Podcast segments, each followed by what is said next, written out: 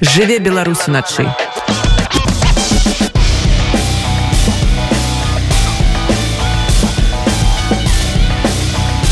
беларускія ноцы давайте рыхтавацца да паўстання ў беларусе бо яно адбудзецца. Пра гэта у эфіры тэлеканала пульсад заявіў былы намеснік міністра обороны польши вальдемарк шыпшак. Па слова генерала калі украінскі контрнаступ скончыцца перамогай то беларусы якія цяпер ваююць на баку кіева не складуць зброі а пойдуць на Беларусь. А гэта можа выклікаць паўстанне ў беларусе бо народ падтрымае тых хто пойдзе супраць лукашэнкі. Пра тое ці сапраўды беларускія ваяры гатовыя вярнуцца ў Беларусь са зброяй каб зрынуць рэжым. Якія настроі цяпер пануюць сярод наших суайчыннікаў ва ўкраіне і хто павінен дапамагаць добраахвотнікам якія вярнуліся з вайны? Размаўляем з былым байцом палка каліноўскага і батальона тэрор Масімам пражэннікам. Масім прывітанне. Доброго вечера Ну як ты стаешься да гэтай заявы генерала шыпшака пра верагоднае паўстанне ў беларусі? Есть такі вариант ну это конечно очень сильное заявление но такая возможность на самом деле есть. Есть вероятность, что белорусские воеры могут зайти на территорию Беларуси.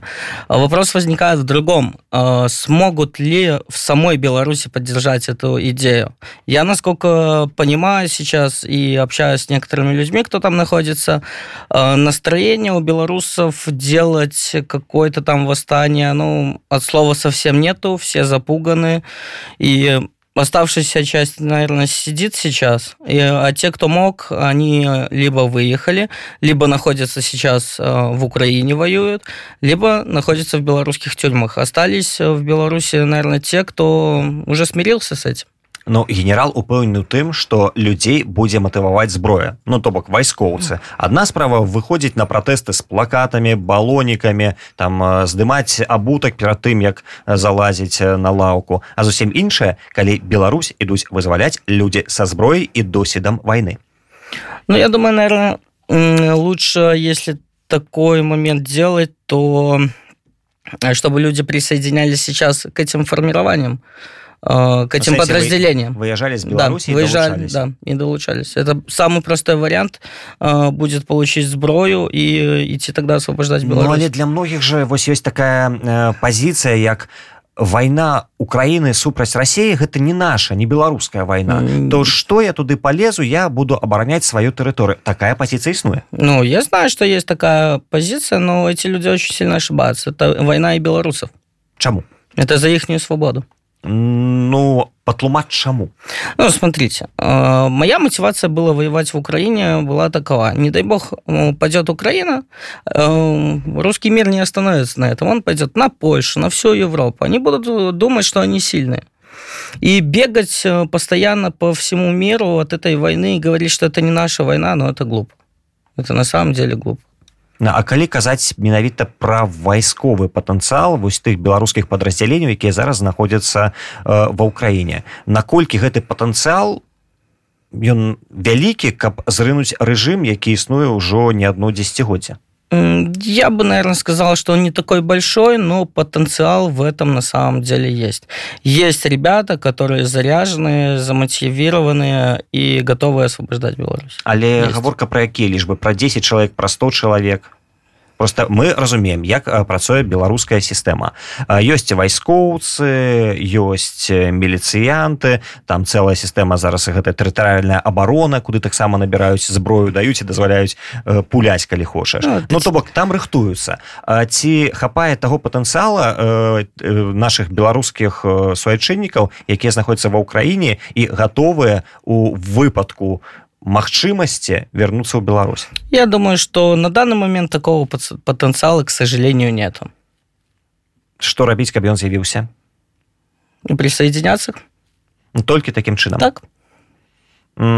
І прогнозы генерала скшипчака что калі прыйдуць там 200 500 тысяч беларускіх ваяроў то да іх далучацца беларусы яны даволі тут понимаешь тут надо вести уже тогда саму работу внутри Беларуси але чтобы кто-то у сённяшніх умовах можна весці нейкую працу внутри беларуся вот этого я не знаю Ну, просто подаецца что гайки закрушенные максимально ну я насколько слышу вот все выступления оппозиции что они ведут работу они общаются там ну вот пускай делают свою работу так чтобы люди долучались до подразделений просто дзіўна что ты называешь людзей якія выехалі апозіцыі то мне падаецца все не я имею мы пазіцыя тому что гэтых людзей было больш чым тых которые нібыта выиграли на выборах. Ну во-первых наверное каждый человек должен сам для себя решить нужно ли ему освобождать беларусь или нет. Але здаецца гэта ж абавязак кожнага сумленнага грамадзяніна абараняць сваю дзяржаву Я даже ну, не знаю, как еще, что еще сказать по этому поводу. Э, я был всегда такого мнения. Рабов не освобождают, рабы должны сами себя освободить. Але для гэтага павінна нешта адбыцца. Ну, если брать на кон, э, что находится внутри Беларуси, я думаю, наверное, ответ простой будет. Закрыть полностью все границы и переставать выдавать белорусам визы. Ну, и, а, Потому и... что здесь э, на данный момент, вот я пока несколько месяцев нахожусь в Польше, я увидел такую картину. Многие белорусы, которые поуезжали, у них были гуманитарные визы. И сейчас на большие выходные их очень много туда ездят.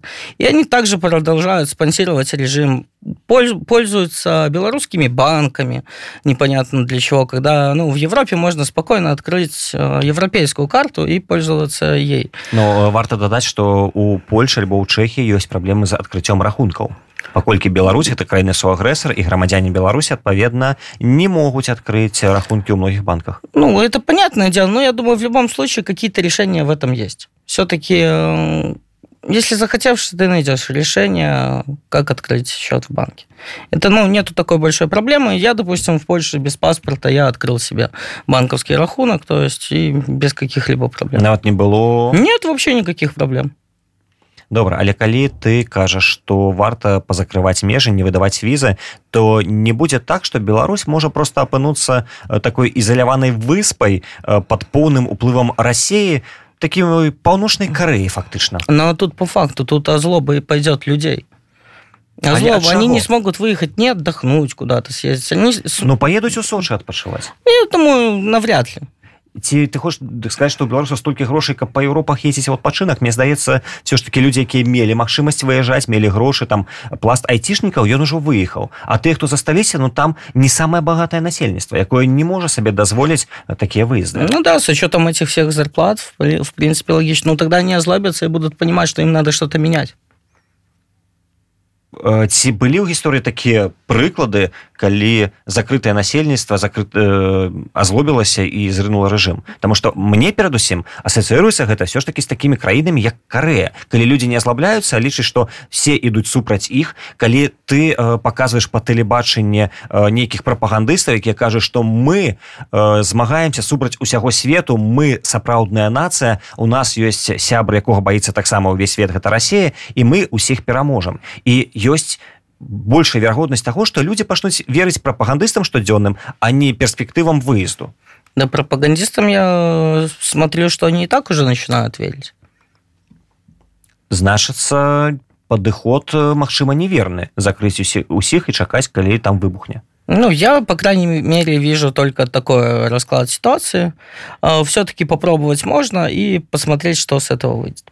Добра надзе ты ва ўкраіне служыў у некалькіх падраздзяленнях так? Так. Гэта быў азоў гэта батальон тэрор гэта так. пол каліновскага так. і не все і ўсё чым адрозніваюцца гэтае падраздзяленне ва ўсіх ёсць беларусы ці не ва ўсіх? Вазове ёсць былі? Да. Ну, там в Азове я был только тогда, когда там формила, форми, формировалась белорусская рода. Угу. Только і... на то вот э, момент я там находился. Добра. І у гэтых падраздзяленнях ішлі размовы паміж беларусамі наконт того, што можа ўсё ж таки зараз мы тут э, пераможам і вернемся дадому са зброі ці да, такія разговоры безусловно ідут ідут але на чым яны грунтуюцца? Просто вот на таких нейкіх узвышаных ідэях ці там ёсць сапраўдны нейкі план дзеяння? План действий ни у кого никаких нет. Это просто идут разговоры і незалежнасці ад таго якія гэта падраздзяленні прыкладна адно і тое ж там Да, одно и то же. А чаму ты пераходзіў вось с аднаго падраздзялення ў іншае Я был не согласен с политикой штаба ПКК, и, соответственно, я, вме- когда произошел раскол подразделения, я ушел вместе со своей группой. А, можешь патлумашыць что такое Я думаю, не буду я про это сейчас говорить. Это не тот момент, чтобы еще говорить про это. Я думаю, когда война закончится, все все друг другу расскажут. Мгм. Ну вось глядзі э, калі казаць пра э, вяртанне беларусаў са зброяй э, на тэрыторыю сваёй краіны все ж таки фактычна да і юрыдычна беларусы якія зараз ваюць ва ўкраіне яны знаходзяцца под непасрэдным кіраўніцтвам ЗСУ Конечно. і адпаведна яны не могуць прымаць рашэнні без дазволу Кіева але ці патрэбна Киеву каб беларусы вярталіся са зброяй і ваявалі вот на сваёй тэрыторыі Это на самом деле сложный вопрос, э, потому что война еще не закончена, и непонятно, когда она будет закончена. Я думаю, ближе ко всем э, событиям, когда будет уже все заканчиваться, там уже будет видно, что к чему. Угу. Добра калі казаць пра унутраную сітуацыю унутры беларусі вось апошнім часам э, все звяртаюць увагу на тое што у лукашенко ёсць нейкія праблемы са здароўем і вот на твою думку с- вот той рэжым які усталяваны ў беларусі гэта рэжым адзіна адзіночнай асобы ці гэта все ж таки ўжо сістэма і на ўзнікненне яе лідара не прывядзе да яе зруйнавання вось як это выглядае з твайго пункту гледжання Я думаю, что это уже система. Они в любом случае найдут, кого посадить в случае, если усатый сдохнет. Э, Я думаю, они найдут, кого посадить. Э, глядзі ты э, далучыўся да пратэста ў двадцатым годзе Да. правильно Да. А раней ты палітыкай не Нет, цікавіўся вообще не цікавился. А як так атрымалася што ў двадцатым годзе ты вырашыў А, Ну, Змагаться получилось так, что там все события, коронавирус вот этот вот, я тогда столкнулся э, с проблемой э, больничных. Я тогда работал официально в Беларуси, и когда пришел э, в поликлинику, мне просто написали аллергию. У меня был знакомый, который позвонил, говорит, сказал, что у него корона, ну, мы с ним не виделись. Я говорю, укажи меня контактом первого уровня, себя проверить хотя бы. Он мне указал, все, ко мне приехали, взяли, взяли этот мазок или что-то. И у меня тоже был коронавирус. А в обычной поликлинике мне написали э, аллергию. Ну, это было для меня шокирующе, конечно, хотя, в принципе, может и нет даже. И все. И тогда вот я во время карантина сидел уже там, э, Сергей Тихановский, я помню, ролики выпускал, я начал смотреть, э, что действительно в Беларуси происходит. Хотя я и так понимал, что там происходит, ну, не, с- не настолько углубленно. То есть. И тогда уже начал интересоваться этой всей движухой. і не просто пачаў цікавіцца яшчэ ўзяў удзел у пратэстах за што пасля атрымаў цэлую крымінальную справу Да. что за як так атрымалася Да это вообще э, случилось очень по-тупому. Э, я на тот момент э, уже уезжал из Беларуси. Вот. И я приехал абсолютно ненадолго. так, Вот как- чакай ты з'язджаў з беларусі Да. Г- давай э, па датах пратэсты двадцатый год э, Пратэсты жнівень Да. э, ты удзельнічаў у пратэстах тебе затрымалі Да. Ну, Меня Пять первый дней. раз затрымали, потом... ты атрымаў суткі Да, сутки. далей ты Вот. выйшаў з сутак Да, потом я продолжал ходить на протесты. Вот когда уже полностью все протесты утихли, то есть я тогда уже уехал. Э, Я уехал э, в Россию. Это был единственный момент у меня туда уехать, потому что у меня ни визы, ничего не было. а ва ўкраіну А, Я тогда об этом не думал. Не, ну, не было, грубо говоря, мозгов, наверное. И я вернулся, э, когда уже находился в России, я уже задумывался податься на визу э, на польскую, либо еще куда-нибудь. Но так получилось, что мне надо было вернуться в Беларусь. Я думал, ай, Бо пронесет и будет все четко. беларуская нацыянальная гэта Да. ты реально самое цікавае 2023 год усе все разумеюць і все равно люди Да, едуць. люди едут туда, думают, что пронесут, но я скажу вот на своем опыте, нифига не пронесет. Если тобой интересовались, все, ты у них на карандаше, и они всегда увидят, когда ты Але приехал. что ты зрабіў такого каб тобой зацікавіся ну удзельнічаў ты ў пратэстах да там полмільёна людзей Да, удзельнічала. благодаря фотографии одной.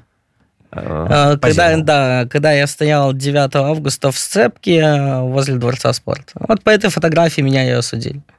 але до того ты не ведаў что ты будешь проходзіць по крымінальной справе Я догадывался, у меня уже поступали моменты, знакомые, которых э, задерживали, что мной интересуются, но я как-то этому ну, значения не придавал. просто беларуская гісторыя Да. і ты вярнуўся у Беларусь Да. і цябе затрымалі Да, буквально там через неделю меня затрымали. А, Я уже тогда все понял, типа, что это уголовная статья. Я такой, ну, все, ну, что я уже сделаю? завялі крыміналку Да. пасадзілі Да, ну, завели кри- криминалку.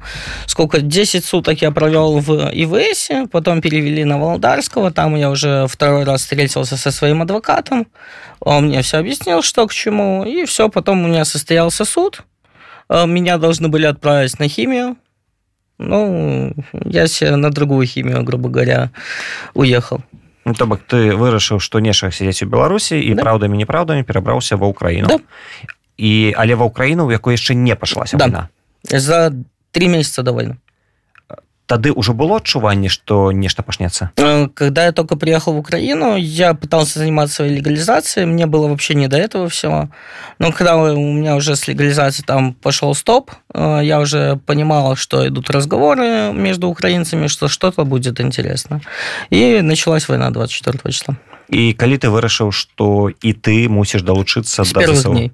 Как только началась, то есть я еще до этого момента, когда еще ничего не началось, пытался искать какие-то э, окна, чтобы попасть в какое-нибудь подразделение, либо в ТРО. Но, к сожалению, этого не было. И вот когда началась война, я уже начал узнавать через знакомых, что белорусы, которые в Польше едут э, в Киев, и мне можно к ним присоединиться. Вот так вот я и присоединился. але ў тебе быў вайсковы досвед Нет, только срочка белорусская. Ну, то я считаю, что это тэрміноўка потеря времени. у большасці маіх знаёмых э, такога нават не было гэта ж лічыцца все ж таки вайсковым досвед ты Не, я колькі не служыў? считаю, что это ну, колькі ты быў у белорус. беларускім войску Полтора года. полтора года і э, дзе служыў Э, Служил я в части 29 591, по-моему, если не ошибаюсь. Это топ геодезист. Ну, И- там просто потеря времени, полтора года ушло впустую. але ж тебя не ведаю вучылі страляць э, вытрымцы фізічная падрыхтоўка Там, наверное, бег Чему только учили, так это подметать плацы и стоять в нарядах, и не более тому.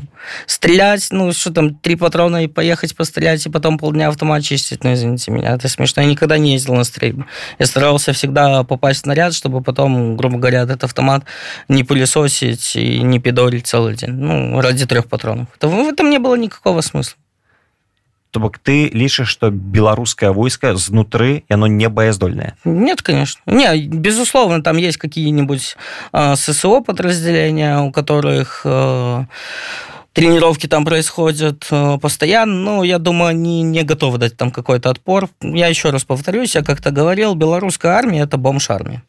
Таму што не хапае тэхнікі Ну, и этого тоже. У них вся техника – это советский хлам, который чинят каждый божий день 24 на 7. Ну бачыш было таксама такое меркаванне што і ў рассіі то нічога няма там э, старыя савецкія мадэлі а апынулася што даволі баяздольнае войска Всё, и Тут э, видно в Украине какое-то бо- боевое войско, которое просто разваливают в пух и прах. В Беларуси ситуация еще хуже. Там техника, это, грубо говоря, парадная техника на радость усатому таракану. Не более. і я так разумею што камандаванне ў нас прыкладна такое ж Да, ну, может, еще хуже. Такая перспектыва цьмяная Да. А, слухай а, ты э, ш- я так памятаю што першае што ты убачыў там гэта была буча Да, ці? да. Мы приехали в Бучу, тогда была зачистка Бучи от пидоров, и э, меня очень э, ну, шокировало, это реально мирные люди, которые э, были мертвые, лежали на дороге со связанными руками, глазами. Это ну, картина, ну, просто не передать словами. это самае страшнае што Да. бачыў ва ўкраіне Да. Э, у якіх кропках табе яшчэ давялося пабываць М, Я потом, после всего этого, мы работали на Николаевском направлении. Там я уже занимался определенной своей работой, аналитикой, э, облетов, об- облеты смотрел и корректировка артиллерии. Э, хто ты па спецыялізацыі Э, Дронщик, аналитик. І я калі не памыляюся у палку каліновского нават ёсць цэлы аддзел які займаецца Да, дронамі і гэта есть ва ўсіх палках ці Ну да, в каждом подразделении есть свой дронщик. И даже не один. то бок на сённяшні дзень э, дроны гэта важная частка Да, это очень важная часть, э, потому что дроны – это расходный материал. Э, Ты не знаешь, посадишь ты его, не посадишь, потому что в любой момент может рэпка заработать, либо аэропушки, аэропушкой могут за- э, посадить. У пидоров тоже есть аэропушки, к сожалению. Я так разумею что э, э, гаворка ідзе про расейцаў Да, э, да давай все ж таки Да, як- всё, як- всё, всё, я понял. больш-менш літаратурна да. А, калі казаць про вайсковы патэнцыял Росіі наколькі ён адчуваецца А у них нету никакой мотивации. Они не понимают, что они там делают. Они тупо не понимают. Мотивации нету. У украинцев э, больше мотивации, чем у российцев. ну, раньше тому что Украіна абараняе сваю тэрыторыю Э, ты бачыў людзей э, з расійскага боку які бралі ў палон што яны кажуць ці не даводзілася сустракаць таких Ну, встречал одного, ну, не общался, ну, они ничего не могут сказать. Они просто не знают, что они здесь делают. Либо просто прикидываются одно из двух.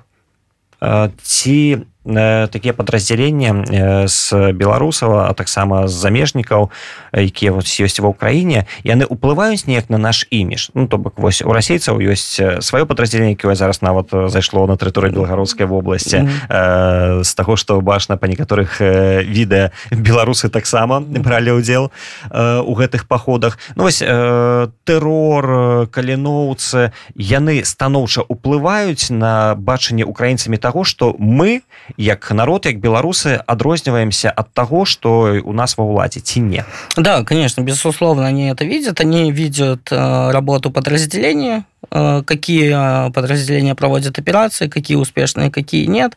Э, не, не буду раскрывать все операции, в которых э, принимают подразделения, но украинское командование это все прекрасно видит. А што скажаш э, пра стаўленне украінскага кіраўніцтва да замежных добраахвотнікаў ці не замала яно аказвае ім дапамогі Но в плане войсковой помощи они м, оказывают ее очень хорошо. То есть по оружию, по экипировке все идет четенько. А Без калі каких-либо казаць проблем. пра легалізацыю пра такую падтрымку пра медычную падтрымку М, Если у тебя контракт, у тебя это все есть. То есть э, ты легально находишься в Украине, ты получаешь э, медицинскую помощь без проблем, когда ты раненый. То есть это, безусловно, все есть. Тут возникает просто другой вопрос. Когда ты разрываешь контракт, тогда уже становятся определенные проблемы. Но как бы э, украинский ДМС на это закрывает глаза, потому что идет война, и у тебя все-таки как-никак есть э, посвидка о прохождении войсковой службы. И ты, э, хоть и нелегально, но почти легально находишься. То есть я как-то разговаривал с э, ДМСом э, по поводу легализации только после войны. После Расшиф- войны- расшифруй ДМС для тых хто не ведае А, Миграционная служба. дэпартамент Да, службы. они сказали, что это будет решаться только после войны, потому что в стране идет сейчас военный стан, то есть и у них совершенно другие заботы. Ну, але у іх іншыя заботы але людзі якія ваююць аддаюць сваё жыццё могуць быць параненыя яны павінны мець нейкі страховачны варыянт Это я тоже понимаю, но, но, Но- к сожалению, я на данный момент ну, не могу ничего больше добавить, наверное, от себя. Ну а вот на твою думку хто павінен а, аказваць дапамогу замежнікам добраахвотнікам якія ваявалі за ўкраіну але па нейкіх прычынах не могуць працягваць вось гэтую сваю дзейнасць Ну, если брать э, на кон белорусов, то, наверное, те же самые подразделения, в которых ребята были, э, могли бы хоть иногда интересоваться, как э, у ребят дела, где они вообще находятся, что с ними происходит. але ці гэта не закрытая інфармацыя М, Я думаю, да каждый с друг другом общается. То есть каждый с друг другом общается, то есть и всегда может поинтересоваться, где или тот э, человек находится. То есть второй момент это если вот человек, допустим, уехал с Украины, то есть находится в Польше, вот как я, к примеру, вот у меня еще два товарища со мной есть. Э, Приезжаешь в Польшу, у тебя здесь ничего нет. Ни денег, ни родителей, ни знакомых, и куда податься. Ну, должен быть какой-то, должна быть организация, которую вот здесь ребята сделали, ветеранский не помню. Ассоциация. Ассоциация ветеранов, да. Вот, они сделали, они пытаются помогать э, хотя бы жильем на некоторое время, либо еще. То есть должна быть вот эта организация очень поддерживаться белорусами, потому что ребята делают все сами, пытаются просить помощь, но особо помощи э, никто не хочет помогать. Э, вечные отговорки какие-то идут и тому а подобное. до кого звярталіся это надо спрашивать у ребят. Добра але чым аргументуюць нежаданне дапамагаць нету финансирования либо нету еще чего-то дэмакратычных сил беларусі няма э, сродкаў на дапамогу ветэранам войны в Украине ну, видимо да угу. То есть ребятам нужна реабилитация, реально жилье на первое время, вещи какие-нибудь. Потому что, ну, я, допустим, приехал с одним портфелем, в принципе, как и заезжал в Украину, тоже с одним портфелем.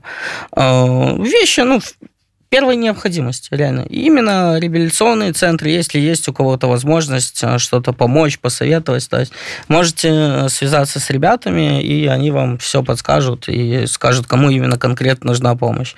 А, на данный момент вот на Байсоле сейчас есть э, четыре сбора ветеранов. Э, эти сборы просто стоят на месте. Они реально стоят на месте. И, ну, непонятно почему. Как бы ребятам, да, действительно надо помогать. И они, они отдали, грубо говоря, все, чтобы уехать э, в Украину. Они могли оттуда не вернуться. Кто-то уехал по состоянию, ну, большинство людей это уехало по состоянию здоровья, которые не могут дальше проходить войсковую службу. Дарэчы да наколькі складана вярнуцца да так бы мовіць нармальнага жыцця пасля войны очень сложно в зависимости от э, психики человека то есть и в зависимости э, куда ты переехал и что у тебя вообще есть для мирной жизни, работа. Я, допустим, работать еще не могу, наверное, полгода, пока не сделаю все свои документы. А ребята тоже, которые приезжают с Украины, они сразу подаются на защиту. Соответственно, тоже эта процедура, и полгода ребята не могут работать. А колькі часу ты уже знаходишься у Польше? Второй месяц. Другі месяц. І ты знаходишься тут без документов? Без документов. Але легально? Да. Дарэчы, да, я... у, тебя, у тебя ж там целая гісторыя была про то як ты э, спрабаваў з Украіны прыехаць у Польшу тебе не пускалі. Э, падымаліся нейкі гамон у сацыяльных сетках э, лезве там не міністры звярталіся да. тебе пропусцілі муравецкі звонил сапраўды? Да. Их не фейк. Не фейк. распавядзі падрабязней. Э, украинцы выпустили меня без проблем поляки меня не хотели еще в четверг э, пропускать э, вообще. Ну, типа, без из-за документов. того, что у тебя не да. было документов. Да, из-за того, что у меня не было документов. Когда я уже все-таки попал на польский погранпереход, э, там уже начался разговор. Они со мной начали очень грубо разговаривать. И это еще была плюс пятница я понимал, что до трех часов либо меня выпускают, либо я тупо сижу там до понедельника. Я тогда начал писать своим знакомым, говорить, ребят, давайте как-то шум подумаем, что вы, может, как-нибудь зашевелились. Все, мы начали поднимать шум, начали со мной разные СМИ связываться. Но вот в конце концов э, там уже и полиция приехала со мной поразговаривать, что откуда, почему я еду. И потом уже начали меня опрашивать. Все как положено, уже вежливо разговаривают. И приходит э, начальник, видимо, там их или кто, и попросит меня выйти. Я выхожу, все, сижу в телефоне, что-то там смотрю, и заходит эта пограничница, с которой мы на повышенных тонах э, разговаривали, и спрашивает у меня, зачем пан звонил Муравецкому? Я говорю, я никому не звонил, и она уходит. Через 10 минут приходит, дает мне документы, говорит, у тебя есть два дня легального пребывания в Польше, и идешь подаваться. И все. И меня вот так вот отправили. И при этом ты был без паспорта? Да. Слухай, а як ты, человек без паспорта, смог э, служить у ЗСУ? Ну, это были первые дни войны. У меня была довидка. Э, то, что я в Украине находился легально. Я ее все-таки успел получить там за определенное время. А как можно легально находиться в Украине без паспорта іншої державы? А я подавался там на беженство. Вот, я подавался там на беженство, но потом мое беженство оборвалось, и я забирал документы. Вот, и у меня была довидка, и по этой довидке меня взяли без проблем. Плюс у меня была копия паспорта. Это хоть как-то спасало. И так само лишится ну, документом. Что-то типа такого. Ну, в Украине, да, там э, завжди значно было простей, чем у Польши. И да, у тебя какие перспективы у тебя у Польши, какие планы? Ты разумеешь, чем ты тут будешь себе заниматься? Самый главный план у меня это сейчас получить долгожданные документы, которые, у которых, которых у меня не было, ну, уже третий год идет. А дальше уже будет видно, то есть, что к чему. Просто ведаешь, я калі размаўляў з левым гунько кажа в любой незразумелой ситуации мы хочется назад в Украину у тебя нема такого есть такие мысли действительно есть такие мысли но я понимаю что пока что я без своих документов ну никуда не смогу вернуться але ты мог бы и хотел бы вернуться калі бы Да. атрымаў документы Да. Только фактычна ты приехал в Польшу каб легализоваться да легализоваться ну будет дальше видно я ничего не хочу загадывать что на самом деле будет дальше але в Украине ты не мог легализоваться нет вельмі дзіўна ну просто сам разумееш як гэта гучыць ну я понимаю как это звучит но таковы реалии А, добра літаральна у нас уже не застаецца вельмі мала часу але хацеў з табою абмеркаваць вось гэтую сённяшнюю заяву михаила падаляка. Ага. украінцы ж яны перастрахоўваюцца а я не видел Не, то скажу. А, ён заявіў што контрнаступ ва ўкраіне ўжо пачаўся і ідзе некалькі дзён. То бок эту інфармацыю укрывалі доўгі час сказалі нічога не адбываецца і нарэшце ўжо афіцыйна паведамілі Мгм. вот на твою думку пра што гэта кажа все ж такі гэта пазітыўныя зрухі і нават украінскае кіраўніцтва вырашыла не перастрахоўвацца а шыра сказаць што ідзе паступова возможно ў правільным напрамку да вполне возможно такое А, як лічыш э, колькі засталося до конца войны сложно сказать реально сложно сказать але хто пераможа можна сказаць Украина безусловно Дякую вялікі Максім за гэтую размову я хочу нагадаць нашим слухачам што сёння гостцем радыё унет быў былы беларускі добраахвотнік ЗСУ Максім пражэнік Дякую яшчэ раз Дякую Жыве Беларусь уначы.